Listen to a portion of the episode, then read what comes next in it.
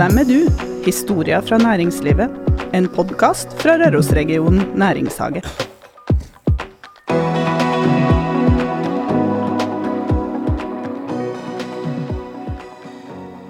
Nysgjerrighet er en sterk drivkraft. Mennesker er nysgjerrige, og kommer det en nyhet, så lurer de på hva det er.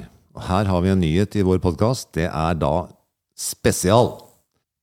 Så vi ønsker lyttere, nye og gamle lyttere, velkommen. Og før vi avslører hvem som er den første gjesten i vår podkast spesial, så spør jeg Kristin hvorfor en spesial? Alle har en spesial, har de ikke det? Ofte, ja. Ja, ja ikke sant? Og vi, har- nå har vi jo passert ti episoder. Mm. Ja, da må vi ha en spesialepisode. Nei, men eh, vi har jo en podkast for at eh, næringslivet skal bli bedre kjent med hverandre. Men samtidig så kan det jo være lurt å åpne litt opp. Eh, knytte noe bånd til det som er utafor lokal- og regionale områder. Lære noe nytt og høre på hva andre kloke hoder har å si.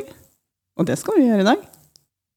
Og da lurer dere vel på hvem er da dette, dette kloke hodet? Det er en kropp under hodet, og han heter Sjur Dagestad. Velkommen. Takk, takk. Født i 1961. Du sier det? Ja. tusenkunstner, men aller, aller mest en som får til mye som er nytt, nyttig, smart og salgbart. Og da går jeg til det personlige først, rett på. Hvem betydde mest for deg i barndommen? Ja, det Det første som kommer meg i hu, det er onkel Ivar. Han var familiens eh, ja, oppfinner. Eh, altså, jeg, jeg var jo barn på den tida der, men eh, de voksne gikk og sa han har over 40 patenter. Eh, han var, han var jo en oppfinner og en gründer. Virkelig en gründer. Og da jeg var 15 år, så husker jeg han tok meg til side, og så sa han eh, og, jeg, og jeg tror grunnen til at jeg husker det, er at det var første gangen jeg ble betrakta ordentlig som voksen. Altså en voksen snakka til meg som en voksen. Jeg, jeg, jeg husker nok best eh, stemningen og, og hva han gjorde. Da sa han at husk på én ting, Sjur. Det er uløste behov som er det viktige. Det er der gullet er. Eh, Han identifiserte meg nok som en framtidig gründer. Han hadde nok sett hva som bodde i meg. Og um, det er, første, det er vel det første liksom sånn faglige tingen hvor en betydde mye. Sånn I tillegg til mor og far, så klart. Da. Men det var det du svarte. Ja. Og det visste vi ingenting om. Vi tok en sjanse der. Ja. Det var artig. 30 år med innovasjon, Dagestad. Ja. Vi skal gå i dybde og bredde, men først skal vi gå spisset. Tre setninger. Hva er innovasjon? Innovasjon, det er eh, noe som er nytt, nyttig og nyttiggjort. Og så tre setninger om mannen. Sjur Dagestad beskriver seg selv med tre ord. Hvilke tre ord velger han da? Glad kona mi ikke er her. jeg tror jeg er eh, nysgjerrig. Jeg tror jeg er utålmodig. Eh, og eh, tida usikker. Så vi tar, jeg er usikker på hva jeg skal si på det tredje, så da er jeg usikker, da. Mm. Ja, Nysgjerrig, utålmodig og usikker. Og så er du professor i innovasjon. Ja, nå er jeg professor emeritus, så nå jobber jeg ikke som professor i det daglige lenger. Nei. Men em, akkurat som når du tar en doktorgrad, så kan du, da kan du kalle det doktor resten av livet, uansett hva du jobber med, for du har tatt en doktorgrad. og mm. Samme med en ingeniør eller sivilingeniør, og er du professor òg, så, så har du retten til å kalle deg professor resten av livet. Men jeg må, eh, hvis jeg skriver under sånn formelt sett, så må jeg skrive under med professor emeritus. Fordi du ikke er ansatt på universitetet per Ja, emeritus betyr avtjent. Og da, eh, for professorat er to ting. Da. Det er en kvalifikasjon, og så er det en stilling. Mm. Og kvalifikasjonen Altså, jeg ble forespurt om å bli professor, og det gikk 26 måneder ifra jeg fikk forespørselen til vi var ferdig med veiing og måling og stillingsannonse og utlysning og hele pakka. Og da var det oppretta en bedømmelseskomité som vurderte alt de hadde skrevet og gjort og osv. Så, videre. så når du her slipper gjennom det nåløyet der, da er du på en måte innafor. Litt som nesten som å bli friburer eller noe sånt, kan jeg tenke meg. Og så er du innafor, så er du innafor. Er du utafor, så er du utafor. Mens, eh, mens stillingen Jeg var tolv år ved NTNU, og så var jeg to år på Høgskolen i Sørøst-Norge. Eh, og så var jeg ett år på Høgskolen på Gjøvik. Og alle de stillingene er 20% stillinger. Ah. Det kalles professor 2. Professor 1, det er fulltid. det er støvete. Altså, det er helt, helt utenkelig å kunne ta en sånn stilling. Eh, unnskyld meg. Ja, det går. Eh, mens eh, professor 2, da er du 20% av tida i akademia, og så er du 80% i næringslivet. Og det, eh, Før så kalte de det gjerne industriprofessor. altså La oss si at Norsk Hydro hadde en aluminiumsekspert, da, og så ønska de å få den kompetansen til universitetet, men vedkommende ville ikke slutte i Norsk Hydro. Og da kunne de få den i 20 av tida. Smart. Så, ja, det er, og det er en fantastisk stilling. Du, du, du, du høster jo det beste fra begge leirer. Kan ikke du fortelle litt om hvordan du jobber med innovasjon? Hva som skjer oppi hodet ditt? Ja, det er eh, Det vet jeg nesten ikke sjøl. Men eh, jeg har hele livet likt å skape. Og det har vært kremmer hele livet. Ja. Så jeg er, jeg er eh, nok lidenskapelig kremmer. Jeg har vel kanskje 100 annonser på Finn. eh, og, og kollegaer lurer på hvorfor i all verden driver du med dette. Men hvis jeg, hvis jeg dreper den sida ved meg sjøl, altså den gleden ved å være kremmer, så, så ville jeg ødelagt en vesentlig del av det å være gründer og innovatør. Ja. Altså, du kan si at å lage en ting ja, ja, la, la oss si at vi kunne ha sett på et utviklingsforløp. da. Eh, si at vi hadde hatt en Si at vi hadde hatt en gründer fra Røros da, her i rommet, og så hadde vedkommende lagt fram ting og sagt jeg skal lage en ny app som løser det og det, eller jeg skal lage et eller annet, en eller annen dingsboms eller tjeneste eller et eller annet sånt som skal betjene noe. Og hvis vi hadde kunnet sett på det helt sånn isolert, altså sett at ok, vi har produktutviklingsdelen, altså utviklet og laget det så og så stor, så kunne jeg eh, så ville jeg gjette på at det å lage tjenesten eller tingen, det er kanskje 40% av hele jobben. Og så er 60 igjen til noe annet ting. Det er å skaffe finansiering og alt mulig sånn praktisk med å drive bedrift osv. Og så er det ikke minst å få det ut i markedet. Så si at å lage tingene er 40% og få det ut i markedet er 40 og det krever jo, det krever jo en, ve en veldig kremmersjel. Og så er det alt mulig annet av dilldall. Og skal du søke Forskningsrådet og Innovasjon Norge om penger, da, så går jo 20 der. Neida, det var et sånt lite spark til virkemiddelapparatet vårt. Det er lov, det lov det òg. Ja. Professor i innovasjon, det kan jo nesten høres ut som en nyhet i Flåklypa-tidene fra 62. Men det er jo det. Det er det, ikke Ja, sant? Men, og spørsmålet er, kan ordet innovasjon brukes som verdens største floskel? Eh, altså, det ville nok eh, De som ikke vet hva det er, vil nok kunne si det. Akkurat som byråkrati kan brukes som det største banneordet i verden, men vi lever jo i et land som har det veldig bra. Altså, vi har lite korrupsjon og mye rart sånn, og vi har et solid byråkrati. Men hele velstanden vår er jo avhengig av det gode byråkratiet. Så, så vil byråkrati kunne brukes som banneord, innovasjon vil kunne brukes som et floskelord, selvfølgelig for den som ikke driver med det. Ja. Jeg har sett litt på uh, har, hvilke bransjer du har vært innom. ja. Og det som slo meg, det er, jo, altså det er jo det at eh, det var så stor variasjon i bransjene. Så spørsmålet er hva er fellestrekkene ved bransjene, produktene, pantesystem, bilbarnestoler og ventilasjon? Ja, det, det, det er litt ålreit at du spør. eh, eh, Og jeg skal si Jeg har en litt artig historie knytta opp mot det òg. Men, eh, men fellesnevnere er jo det å skape. Det å drive og skape noe nytt som, som da blir tatt i bruk. For en innovasjon, det er en ny løsning eller tjeneste eller arbeidsprosess eller hva det er. Altså du lager noe nytt, en ny måte å gjøre noe på, f.eks. Som har det ved seg at det blir tatt i bruk. Så Hvis det ikke blir tatt i bruk, så er det ikke en innovasjon. Det er et forsøk på å lage noe du skal tjene penger på eller skape arbeidsplasser på, eller noe sånt. Men, men blir det ikke det, så er det ikke innovasjon. Enkelt og greit. Da er det, da er det bom.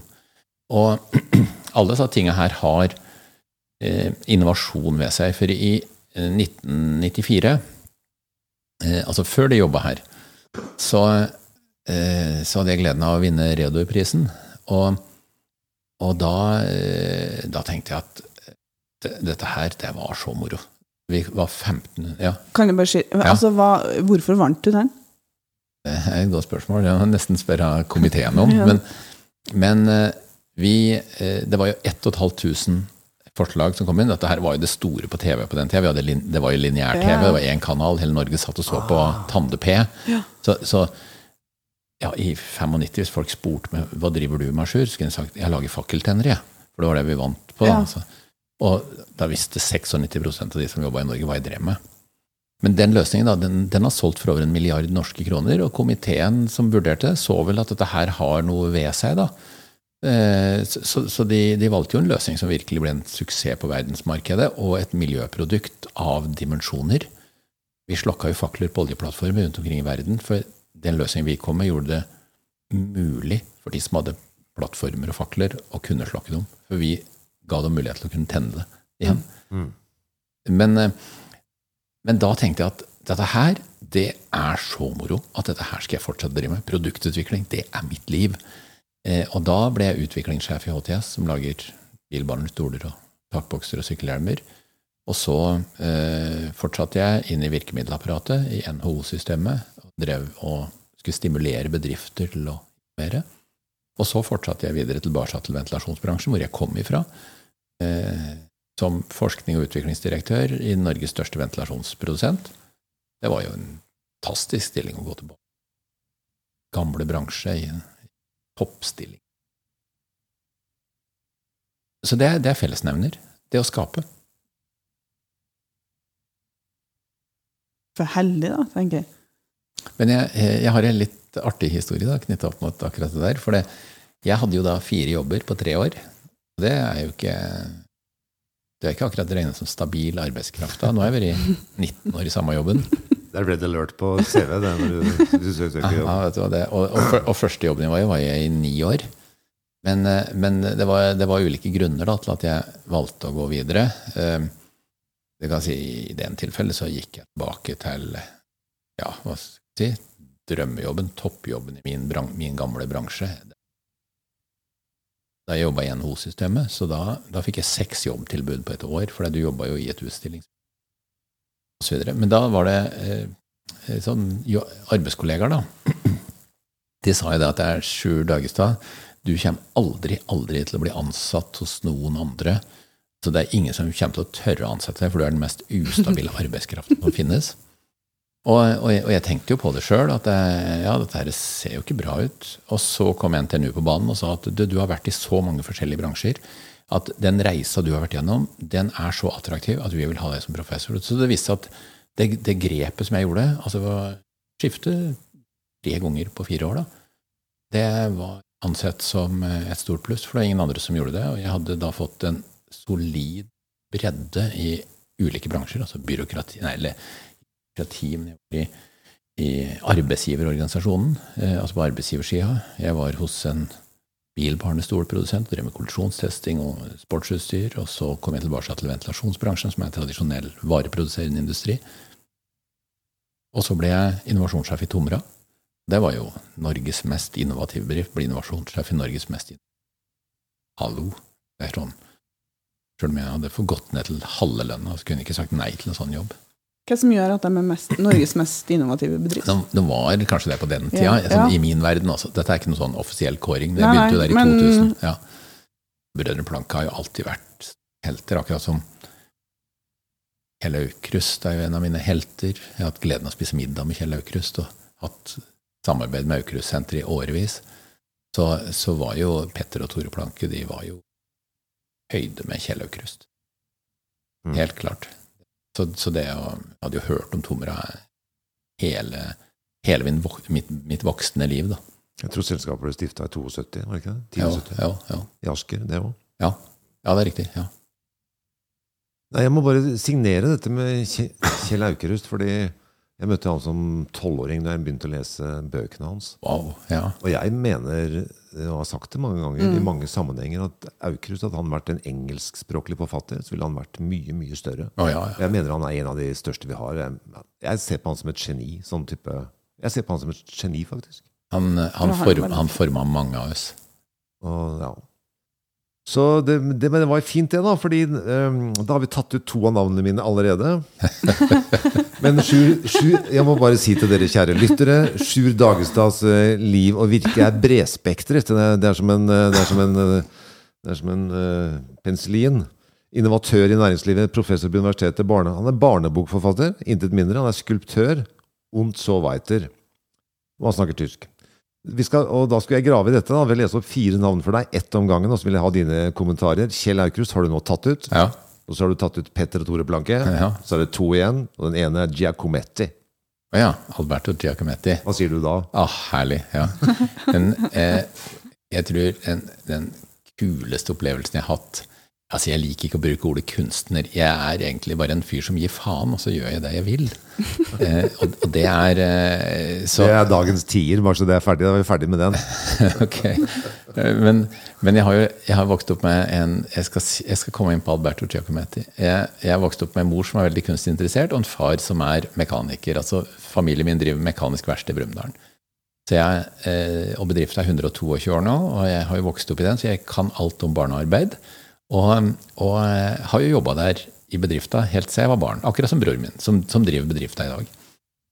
Og, så, så Far han var jo på det håndverksmessige, så jeg har jo verksted i Asker i dag, hvor jeg kan sveise på fire forskjellige måter, og dreiebenk og fresemaskin, og, og, og, drive med veteranbiler som hobby, eh, blant annet.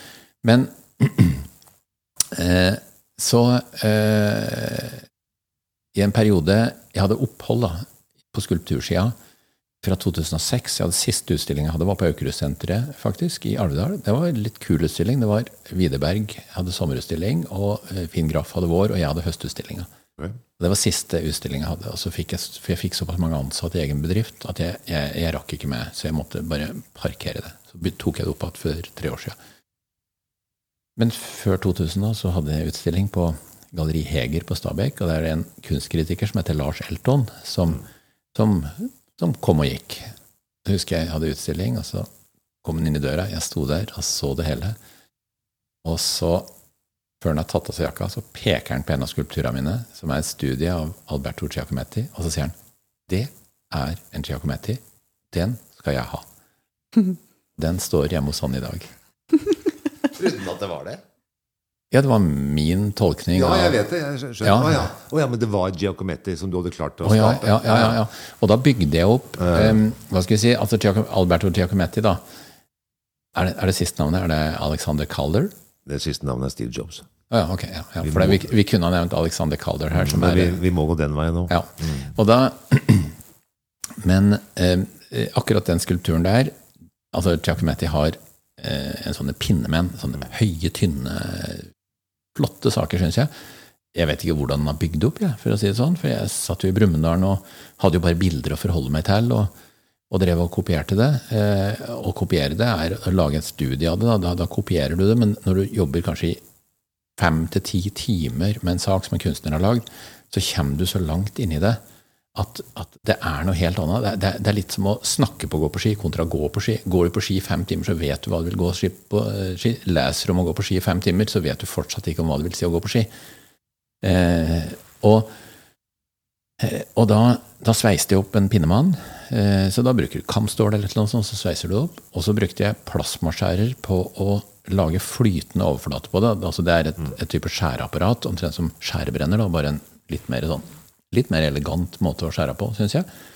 Um, og den kan, du, den kan, du, bruke omtrent som en, en lakkpistol, eller noe sånt, eh, sånn at jeg skar med plastmaskjærer på overflata, sånn at overflata ble flytende, og da ble den helt sånn plastisk og nesten som leire, eller som, som vulkansk utbud. Men det, det, kunne se ut som hele saken var modellert i leire. Skjønner. Eh, så den eh, var utrolig moro å gjøre sånne, sånne type ting. Så er det Steve Jobs. Steve Jobs, ja. Det er er det en annen verden? Er det en annen tenkning? Ja, ja det er nok det.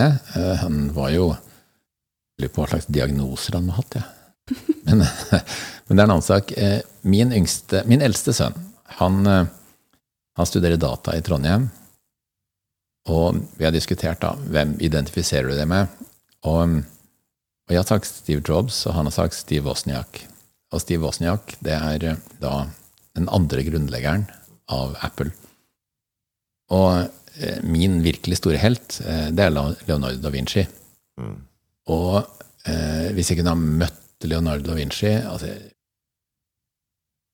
det, Dette var helt siden, helt siden tenåra. Jeg var kanskje 10-12 år. Det gikk en sånn serie om Jeg, snakker om Steve Jobs, jeg skal komme tilbake til det. Okay. Eh, det gikk en sånn serie om om Leonardo da Vinci på TV. Jeg fikk lov til å sitte oppe om natta etter at alle hadde lagt seg hjemme, og se på eh, Leonardo da Vinci-saken. Jeg var kanskje 12 år, 73 eller noe sånt, og det gjorde så inntrykk. Altså Det brant seg inn i barnesinnet på en sånn måte at eh, jeg har hatt med Leonardo da Vinci hele mitt liv som min stor ledestjerne.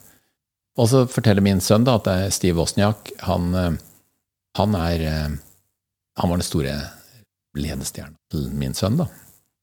Og vi er nok sånn typer òg, så er nok han mer Steve Wozniak, og jeg er mer Steve Så kom Steve Wozniak til Norge. Jeg går jo ut og inn på konferanser som foredragsholder her og der. Og det er faktisk eneste gangen jeg har betalt for å komme på en konferanse. Jeg betalte 7000 kroner for at eldstesønnen min skulle sitte i salen og oppleve Steve Wozniak på scenen. Fordi jeg sjøl vil aldri få mulighet til å oppleve Leonardo da Vinci. Så det var i håp om at han skulle ha et Leonardo da Vinci eh, opplevelse. Men så tilbake til Steve Jobs. Eh, interessant fyr, men altså har du ræva full av penger og eh, dårlig til å lytte og eh, han, han, er sånn, han er ikke en sånn stor helt på linje med Leonardo da Vinci for eksempel, eller Kjell Aukrust. Men han er jo en, en fyr som eh, absolutt har fått til ting. Taket på det bare veldig kort, Kristin, I taket på det Sixtinste kapell, det er da Vinci, ikke sant? Det er det. Og det er, det er, det er aldri det er, er, det, er, det, Guds finger og menneskets finger, eller er det, to, det er Gud og menneske? Ja, fint.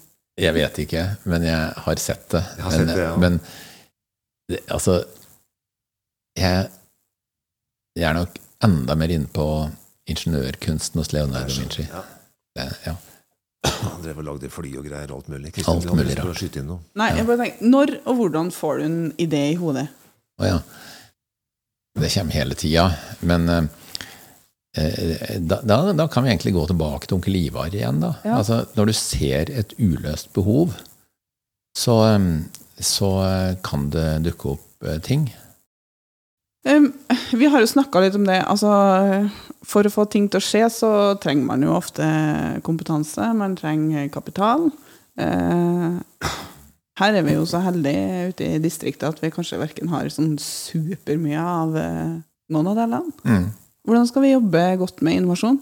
Hvordan skal vi øke innovasjonstakta i denne regionen her?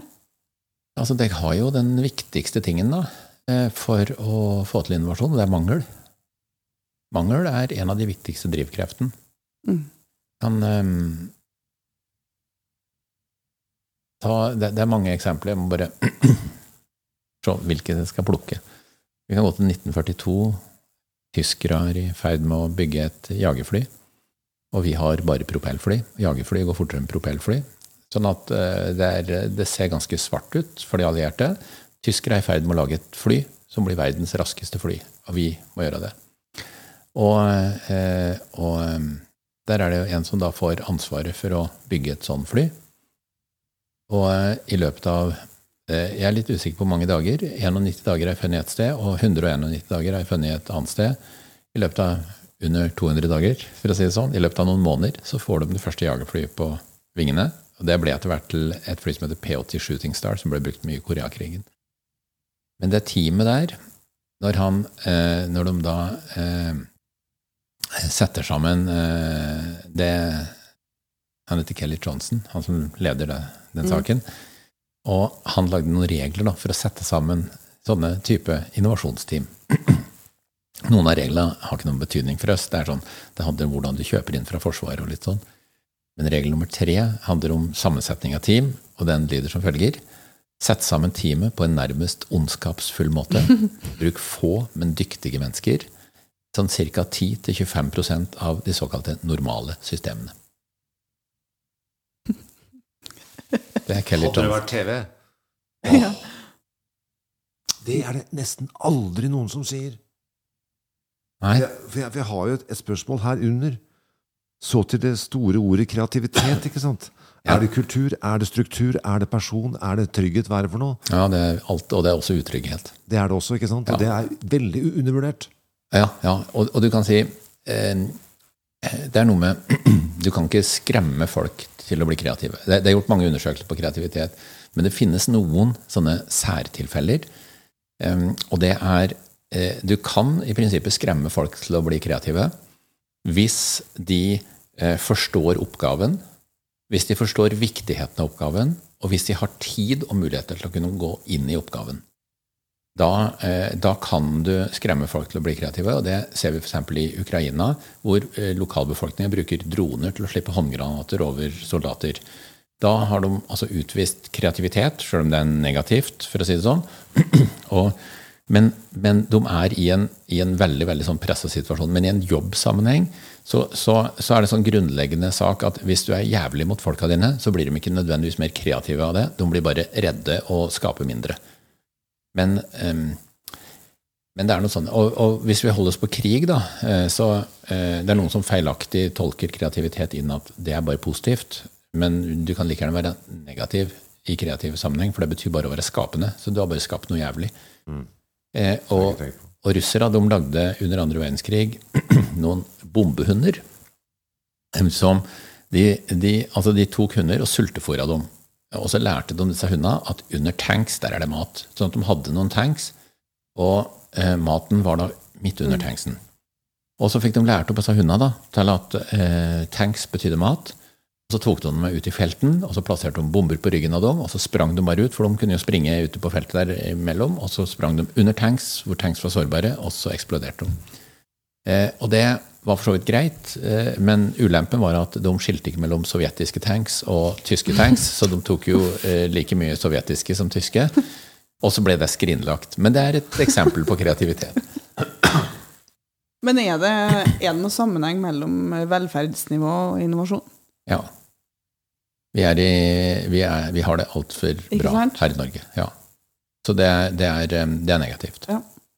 Og du ser det også på eh, Jeg, jeg nevnte jo litt sånn spøkefullt med type Innovasjon Norge, f.eks. Mm. Sånn, eh, og jeg har egentlig ikke noe negativt å si om Innovasjon Norge. Jeg syns de gjør en veldig bra jobb. Men eh, ta Forskningsrådet, da, som, som, nå har vært ute i hardt vær. Men altså, det er så komplisert å få offentlige midler Altså Vi har et byråkrati her snakker vi om negativt byråkrati. Vi har fått et byråkrati som er blitt så Følg med nå, Forskningsrådet, hvis det sitter noen fra Forskningsrådet og hører på. Vi har fått byråkrati som er så jævlig! Det er så hinsides jævlig at vi trenger egne konsulenter for å søke midler, for å søke offentlige midler. Og, vi driver jo med det. Vi bistår jo. Ja, dere bistår, ja. Og så skal du bruke 20% av pengene dine på å søke om penger som er din Eller vi hadde, altså jeg hadde en sak med Forskningsrådet. Jeg er fortsatt så forbanna på Forskningsrådet at jeg koker. Så må gjerne ta kontakt med meg. Men SkatteFUNN er en rettighet som vi har. Mm. Og, eh, og eh, mitt firma, vi har betalt inn penger, vi har betalt inn skatten vår regelmessig hele tida. Eh, og da vi søkte på en rettighet som Jeg var så sint etterpå at jeg hadde møte med to av lederne. De sa dette her skulle du ha fått innvilga. Men dessverre så er vi over nyttår, så den muligheten er gått bort. Altså Det er en rettighet du har som bedrift i kongeriket Norge på å få tilbake penger, men byråkratiet er så hinsides jævlig at den muligheten var ute. Og da kan du ta en annen sak. For nå, eh, eh, altså når vi er inne på Forskningsrådet, så merker jeg nå er jeg forbanna, for å si det rett ut. Eh, og hadde det vært skatten min som ikke hadde vært betalt, så kan du ta deg faen på at de hadde gått tilbake tre, og fire og fem år jeg hadde måttet betalt den. Men når det er en rettighet jeg har som bedrift, nå snakker jeg på vegne av norske bedrifter, da forsvinner det for det. Nei, beklager, du har sendt inn søknad etter 15.9., eller nei, nå har vi bikka nyttår, så det er for sent. Eller det er ikke ankemulighet. Forskningsrådet, skjerp deg. Politikere som tar tak i Forskningsrådet, tusen, tusen takk. Jeg er meget glad for det som skjer der ute nå, for nå får Forskningsrådet oppleve hvordan Forskningsrådet er. Shout-out til Borten Moe der, altså. Og da har jeg faktisk et bevis på at jeg har vært litt forutseende. Kan, kan du lese det spørsmålet der, Sjur Dagestad? Er det lov å være sint i jobbsammenheng?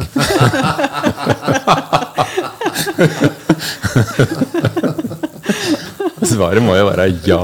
Det er det. Og du viste det ved å gjøre det enda bedre. Vet du hva, jeg skal si, jeg skal si eh, å være sint i jobbsammenheng. Jeg har sykla mellom Asker og Oslo. Eh, jeg skal ikke si noen detaljer på det, jeg skal bare ta helt overordna. Jeg har sykla mellom Asker og Oslo i årevis. Hele året. Sommer som vinter. Og det er 2,5 mil hver vei. Og, og, og, det fine med, nå har, jeg, nå har jeg kontor i Asker, da, ikke lenger i Oslo. Eh, men det fine med det var at jeg kunne ete all den maten jeg kom over, og jeg kunne få på meg de buksene jeg ville. Mm. Så, og persen min mellom Asker og Oslo Persen min mellom Asker og Oslo, det var 45 minutter. Så opplevde jeg underslag. Og den morgenen det gikk opp for meg hva vi hadde opplevd Ble jo advokat og mye rart sånn og osv. Så skikkelig oppvask etter det. Men altså den morgenen det gikk opp for meg at vi har vært utsatt for underslag, Den morgenen forbedra jeg persen min fra 45 til 42 minutter mellom Asker og Oslo. Jeg sykla så hardt og fort at jeg tenkte at nå sliter jeg i stykker kje. Fy fader, jeg var så sint. Jeg var så sint at jeg kokte. Men hjelper det å være sint på jobb? Ja, Ja, ja, ja, jeg helt enig med deg. Men det var jo Det det på vei til jobb. spørsmålet jeg har Men det var jo på vei til jobb. Jo, jo, altså, han, han tar jo møtene også. Ja, Åssen ja, ja. tror du jeg var på jobb da? Etter Ja, det? nei. Var ikke god, vet du. Nei, fordi, men eh, så, Jeg vet ikke om Skal vi oppmuntre Vi trenger jo ikke oppmuntre til det, gjør? Nei, men spørsmålet er faktisk Ja, er- eh, komplisert. Men det er heller ikke ukomplisert. fordi det som var mitt poeng på å gå inn i det, og det Sjur umiddelbart viser ved sin atferd og tenkning og væremåte og følelse, det er at dette gjør vi for lite av. Men det, vi snakker ikke om gærninger, vi snakker ikke om å være slem mot folk. Nei, vi snakker om å bli forbanna. Ja, altså, jeg, jeg kan ta min far. Han var gründer. Han tok over familiebedrifta. Han, han kom inn som tredje generasjon. Og han var ikke i, unnskyld, i biologisk arverekke. Han gifta seg med dattera til smeden i Brumunddal. Sånn at han tok over sin svigerfars bedrift. Og redda den. Virkelig. Bokstavelig talt. Og jeg tok opp med mor en gang. Jeg må ha vært kanskje et par og tjue år, for jeg hadde en hissig far. da. Snill og god far på alle mulige måter. altså Ikke noe, ikke noe galt med det, men han var engasjert, han var hissig. Og han klagde hele tiden. Og jeg sa, jeg sa åssen orker du å bo sammen med en som klager hele tida? Og så så jeg på meg og sa Sjur, den dagen faren din slutter å klage, den dagen er det alvor på ferde. Og det, det jeg skjønte senere som bedriftsleder, var at han far han var i inngrep. Han var engasjert. Det er alltid noe som ikke går som på skinner. Og det hadde han far tak på hele tida. Og han drev og løste alle sånne prosesser som trengtes og oljes, og, og som, som ikke gikk. Og det som gikk, det, det hørte du ingenting om. Så, um, så, så, så jeg skjønner den klaginga hans far eh, som voksen, men jeg skjønte jo ikke som barn. Eh, det fineste fjellet du har vært på? Det fjellet jeg har vært på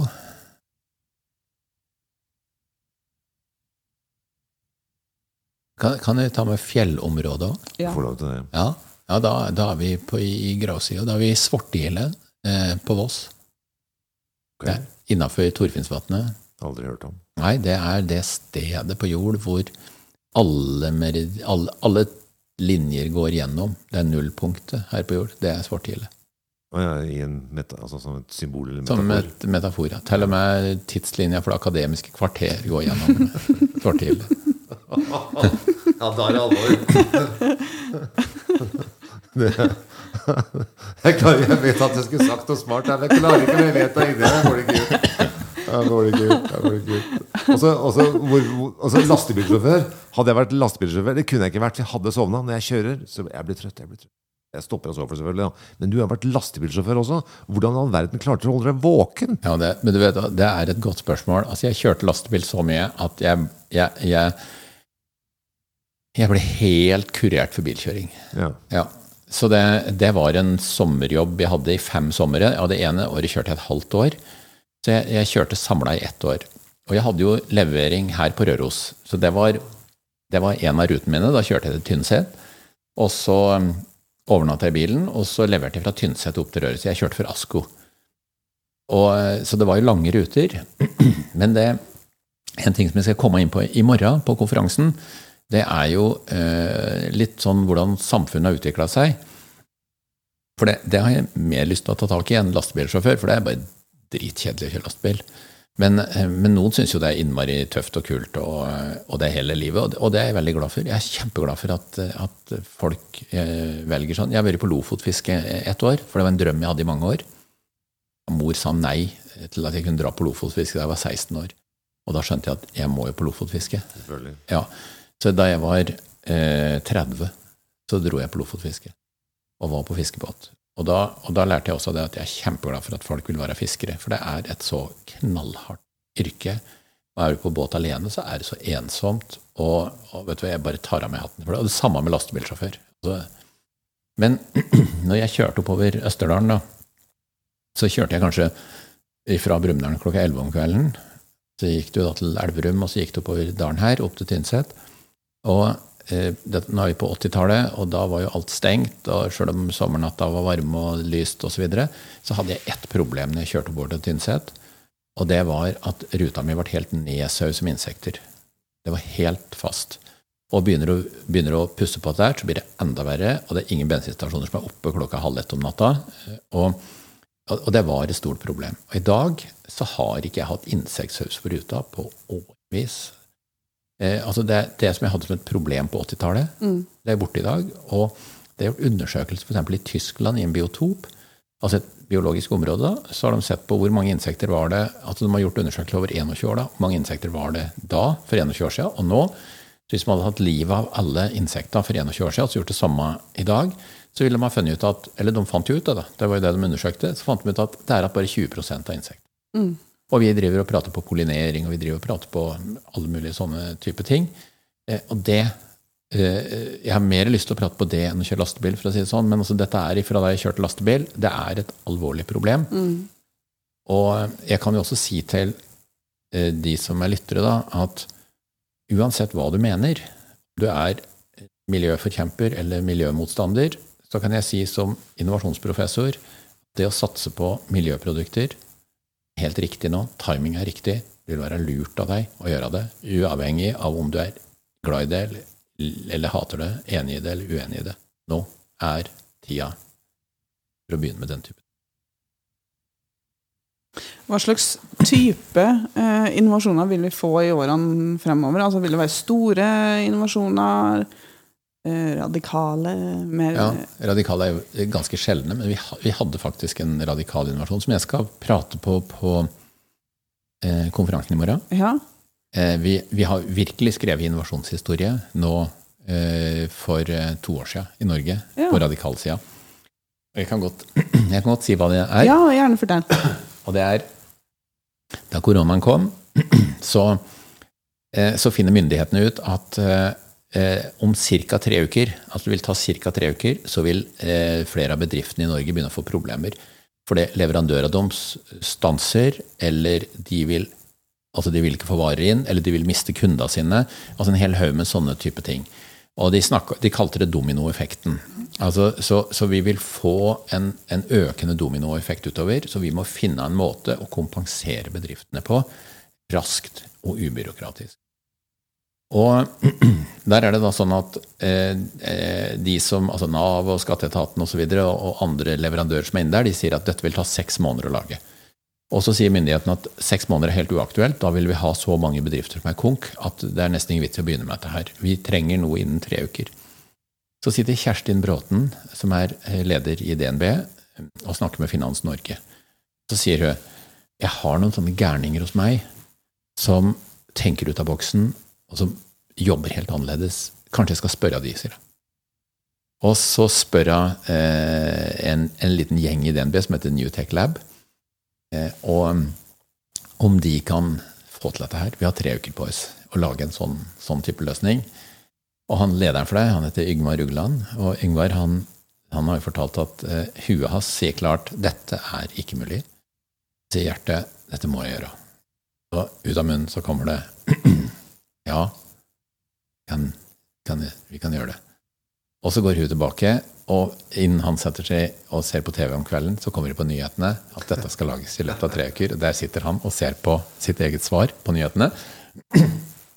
Og, og det er det. Altså forteller, eh, Dette her skriver jeg om i ei bok som kommer med eh, på slutten av året. Altså en innovasjonsbok.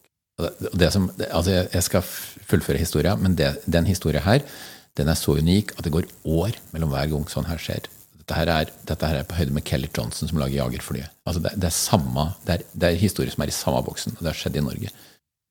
Så eh, kommer konsulenthusa på banen og spør hvor mange folk trenger du. Eh, og, og, og, og sånn som et av dem da har sagt, du kan få 100 mennesker gratis. Altså de tilbød folk gratis. Han kunne få så mange han ville. Han sier, og han oppfører seg da som Kelly Johnson. Han sier trenger bare noen få, men dyktige mennesker. Så han sier til sine folk det er tre uker, og tre uker er 504 timer. Så sier han jeg trenger den, eller de av dere, som har minst 500 timer med arbeidstid å tilby de neste tre ukene. Ingen andre. Så er det, så er det ti stykker som melder seg.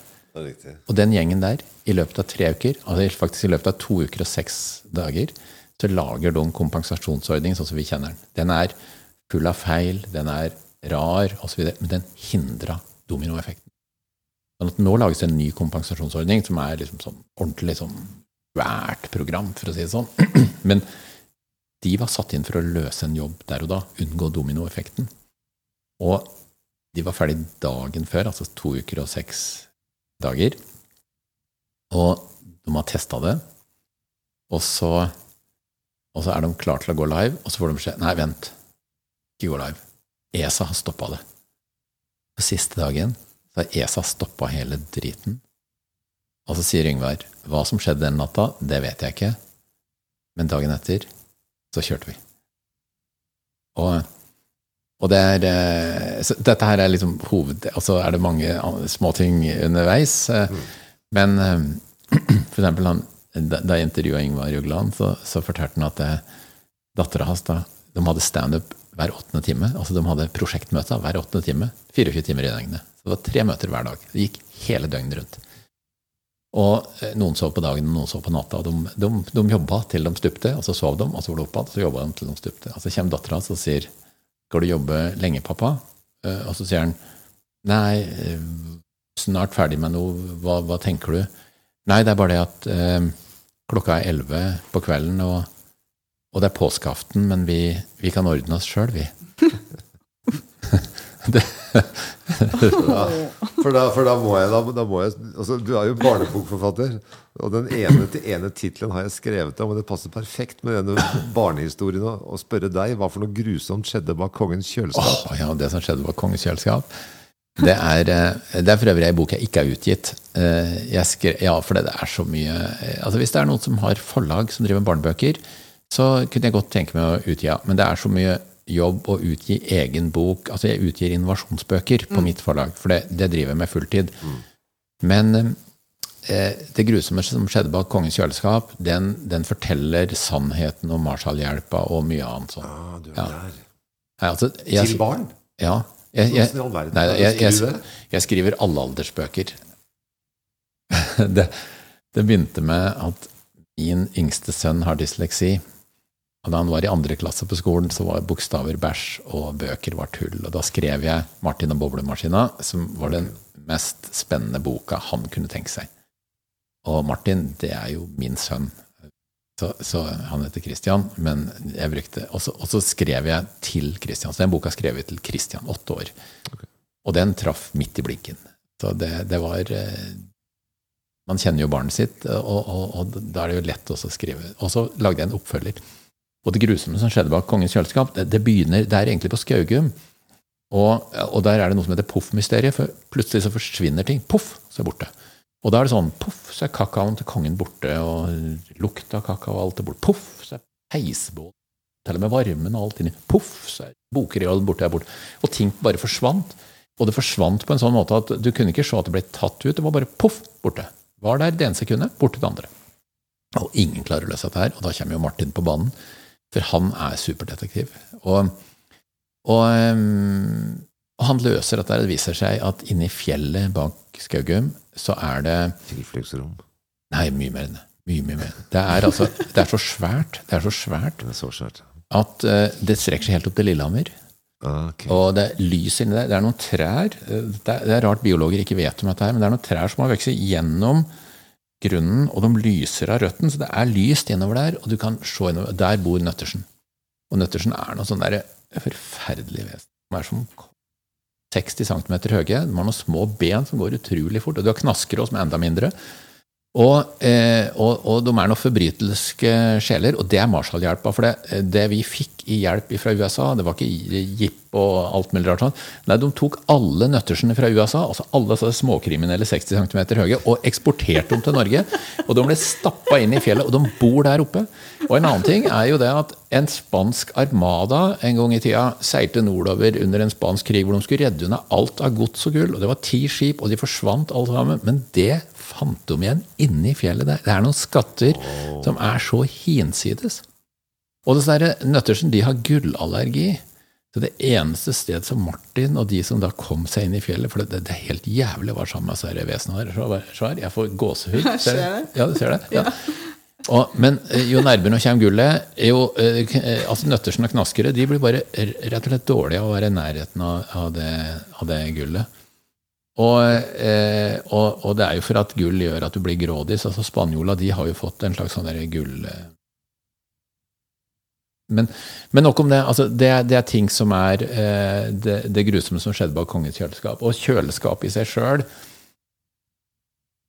altså, der tror jeg heller folk får vente, og så heller så ser vi om vi får et forlag som kan tenke seg å utgi boka her. Men jeg har fått høre Den første boka brukte jeg studentene mine på. Da hadde jeg skrevet manus, um, og så hadde jeg jeg hadde ganske store kull i Trondheim. Jeg hadde på det meste hadde jeg oppi 250 studenter i året. Så måtte jeg lage prosjektoppgaver til noen. Så spurte jeg et år er det noen som har lyst til å bli med og lage bok.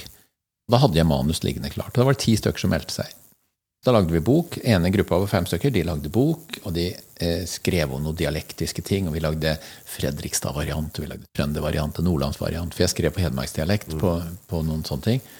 Eksempel i, i et kapittel som heter eh, 'Bussjåfør får eh, purksjokk og blir akutt spontanreligiøs'.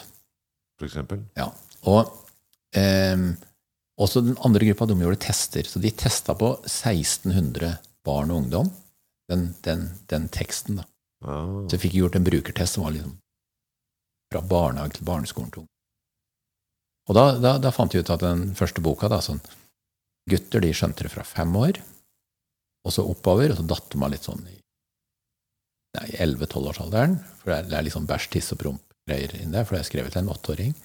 Jenter de skjønte det fra fire år. De datt av i sånn alderen av bæsj, tiss, promp. Gutta de kobla seg på igjen på 17-årsalderen. Noen var med hele tida, for bæsj, tiss, promp er kult for gutter hele livet. Mens jenten var liksom tyngre å koble på. Og så fikk jeg høre, eh, så tilbakemeldingen er dette er jo doktor proktor, du skriver som Jo Nesbø og så videre. Men, og da kan vi jo komme tilbake for å gjøre på en måte sirkelen litt slutta. da. Det hjelper ikke om du skriver som Jo Nesbø eh, hvis du ikke har løst den markedsmessige delen. Det hjelper ikke om du lager verdens beste app hvis ingen bruker den. Det hjelper ikke om du lager verdens beste bilbarnestol hvis ingen putter den i bilen og kolliderer med den, eh, for det er det den er laga til, osv. Det har jeg opplevd som barnebokforfatter òg, at det er jeg kan godt skrive fem ganger så bra som Jo Nesbø, eh, men, men hvis ingen oppdager deg, og markedet ikke tar det til seg, så hjelper det ikke noe uansett. Så derfor så Den ene boka, den er lagd eh, ved at jeg brukte den som del av faget mitt i Trondheim. Mens den andre boka, den er ikke utgitt. Og eh, forlag Kongens kjøleskap, det. Det grusomme som skjedde bak Kongens kjøleskap, ja. Jeg hadde en kompis som uh, dyrka marihuana inne på Skaugum. I, to, I 72. Hva sa du, han? Han dyrka marihuana. Oh, ja. Det var det sikreste stedet i Norge å dyrke marihuana. Ja, det kan jeg godt Så tenke meg. høsta han om natta, og poff, så var det borte. Og så var det hjemme, og så var det solgt på kiosken bak oss. Det høres ut som Asker, dette der. Oi, oi, oi. Nå er, det, et par ting vi ikke har vært innom, da. For eksempel. Ja, Altså, jeg skal introdusere meg sjøl på, på konferansen i morgen. Og da eh, og Jeg skal spille litt sånn schizofren da, og da skal jeg inn Skal du leke med oss? Ja, noe sånt noe. Ok. Men, men eh, jeg driver et filmmuseum. Så jeg har Skandinavias største samling av eh, tidlig førfilmutstyr. 1800-tallet og fram til 1914. Altså tidlig filmmaskiner og førfilm. Mm. Så jeg har en samling på ca. 400 maskiner. Så det Hvor har du det, da? Jeg har det i Asker. Okay, I et Ja. eget hus? Ja, i mitt eget hus. Ja, eget hus. ja. For jeg drev med veteranbiler i mange, mange år, inntil, inntil jeg ble far i 95. Da fikk jeg forbud av min daværende kone eh, mot å kjøre veteranbil, for hun så det for seg at dårlige bremser og Det er jo dårlige bremser på gamle biler. Eh, Sjøl om de er bra, så er de dårlige. Eh, så, så jeg fikk forbud mot veteranbil, og la det på hylla, og savna det vis. Så da bygde jeg opp eh, Skandinavias største samling av maskiner. Eh, og, så, eh, og så begynte jeg med veteranbil for seks år siden. Så jeg, har, eh, jeg skal hente en bil på onsdag. 34-modell Hotchkiss. Østerriksk. Hva er det så rart navn? Ja, Hotchkiss. Det er, et, det er et familienavn. Du kan si Bugatti lå i nivå 1, altså øverste nivå, og så hadde du nivå 2, det var luksusbiler, da. Der har du Hai og Delao osv. Kjenner jeg ikke til. Nei, så det er, en, det er vel én Hotchkiss i Norge, tatt inn hit i 19. Sitter en, eh, kan nesten kalle det lastebilmotor, sitter en, en rekke 60 på 3,5 liter. Så du vant mye Grand Prix. Og så har jeg en 1912 Buick, og så har jeg 20-modell Alvis, verdens første serieproduserte forhjulsdrevne bil. En gammel engelsk racerbil. Er, det er sånne med store hjul, sånn som du får i Donald-blader. Sånne sigarer med storhjul? Ja, det er helt riktig. Det er, er en god beskrivelse. Det er sigar med storhjul. Det, er- det er riktig. Ja. Litt tøft. Resten hører i morgen. ja, en del av det. Ja. En del av det. Ja. Men skal du tulle med oss også? Jeg forstår, men det, jeg er jo konferansier, så skal vi se åssen jeg løser den oppgaven der, da. Jeg håper det. Altså, jeg gir jo faen, og så går jeg på scenen, så får vi se. får Jeg tror det blir veldig bra. Men, det- altså, men, men det, men det som slår meg hele veien åh, Når vi snakker om kreativitet med andre Ja. mennesker, innovasjon, hvordan skal få til ting det er det, de- det er det som ikke er i orden. Det er det som er uløst. Mm. Og så driver vi hele tiden og snakker om hva skal vi finne altså, Vi tenker jo feil nesten kontinuerlig. Og jeg har vært med på det sjøl 500 ganger. Mm. Fordi vi tenker på den tingen på bordet. Eller vi, vi, vi, ser- vi klarer jo å se makro noen ganger, men Mm. åh, Ja. Jeg kjenner litt sånn spenn på det her. Altså, hvis man tenker Maslows behovspyramide, da. Og så driver vi og loker opp i toppen der. eh, I mange vi- tilfeller. Ja. Ja. Og så loker vi litt opp i vår egen topp òg. Det er jo Altså, vi har jo en del utfordringer der. Altså, hvis du ser på yngre som kommer etter. Altså, det Man, eh, man stiller en del eh, vanskelige spørsmål til seg sjøl, kanskje. Hvordan skal, vi, hvordan skal vi lese det? Jeg, vet ikke om jeg kan svare helt på det, men jeg kan ta et, jeg kan ta et eksempel. Ja, gjør det. Eh, I, I 2020 så hadde eh, jeg, jeg skal ta et skritt tilbake, da, bare sånn, sånn bare For at jeg skal forstå det. Eh, I, i Inoco så var vi, på det meste var vi 40 ansatte. Og det, har- det har vært helt sånn varierende ifra Jeg begynte jo firmaet, og så etter noen år så ansatte jeg tre stykker på samme dag. Så vi, da gikk vi fra én til fire årsverk. Og så har vi stort sett ligget på fra fire opp til 40. Men sånn kanskje rundt ti årsverk i mange år. Så, så eh, solgte vi et datterselskap, og så endra jeg litt på forretningsmodellen. sånn at de jeg jobba sammen med, de var ikke ansatt lenger, men de driver sine egne AS-er osv., så, videre, så jeg var alene. Så kom vi i 2020, eh, og da hadde jeg et første kvartal som var helt normalt. altså jeg hadde sånn passelig bra med jobb og trivdes ganske godt. Og så kom koronaen, og da forsvant jo alt av oppdrag. 80 ble bort avbestilt i løpet av to uker. Og jeg holder jo mye foredrag og er på konferanser og mye rart sånn, og jeg kjører mye kurs.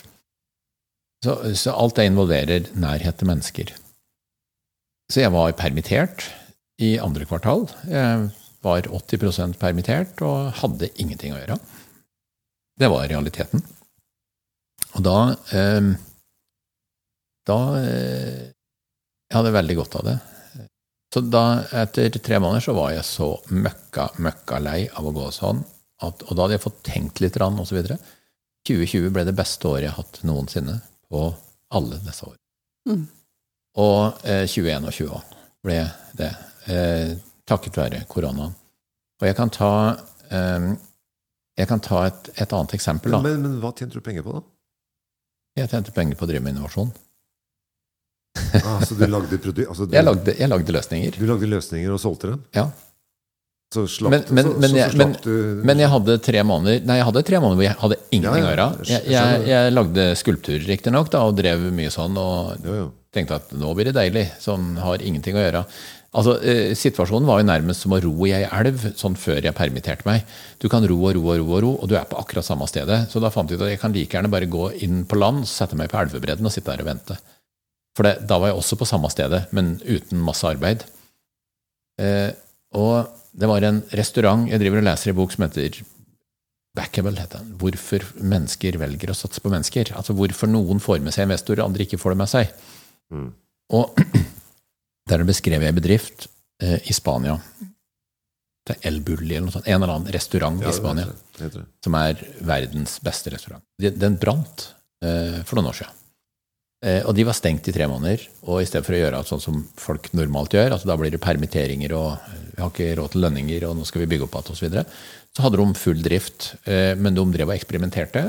Og, og kom jo fram da med helt nye menyer og nye konsepter og nye måter å tenke på. Og de ble da kåra til en av de ti beste restauranter i verden på ny, da de starta opp igjen. Og så etter ni måneder, så helt som lyd fra klar himmel, så sier de vi legger ned i tre måneder. Og det har de gjort hvert eneste år i 14 år, og de har vært blant de ti beste restauranter i verden i 14 år. Og, eh, og dette er eh, noe som veldig få er klar over, men som er en veldig viktig sak. Altså det å få juling, det å bli utsatt for noe. Vi, altså vi har det så bra her i Norge at vi får ikke den saken. Heldigvis så fikk jeg koronajuling, for å si det sånn. da. Eh, og det førte til at jeg drev Inoco i 19 år, og dette er det beste året jeg har hatt noensinne. Altså, eh, sånn Hvis du ser på regnskapstallene, så sjøl med 40 ansatte, så, så, jeg, så, så gjorde jeg et bedre år med én ansatt enn jeg gjorde med 40 ansatte. Og Da skal vi sjekke regnskapet når vi kommer hjem. og, eh, og, og, det, og dette, skyldes, dette skyldes det å få juling, og det å virkelig bli røska i, og det å oppleve mangel, og, det, og at det går en jævlig der. Så det å bli forbanna på jobb, for å si det sånn, så jeg var nesten så jeg kokte. Eh, så det var nok skaperen. Og sånn, sånn er historien full av sånne ting. Jeg nevnte jo DNB-historia med kompensasjonsordningen. Tre uker, og så hadde de skrevet historie. Er den kjent? Ja, ja og nei. Ja, Den er- Den har ikke jeg fått med meg. Jeg har, jeg har så vidt lest om det, men jeg har ikke, jeg, jeg har altså- ikke skjønt at det er så radikalt som du peker på. Altså, den er ikke eh, kjent ennå. Jeg kjenner Yngvar Ugland fra tidligere av, så jeg kjenner historia. Og de har ikke gått ut aktivt og fortalt den. Men eh, den blir med nå i den nye læreboka vår. Jeg forteller om det fra scenen. Jeg er jo historieforteller nå. Som jeg driver i grensesnittet mellom kommunikasjon og innovasjon veldig mye.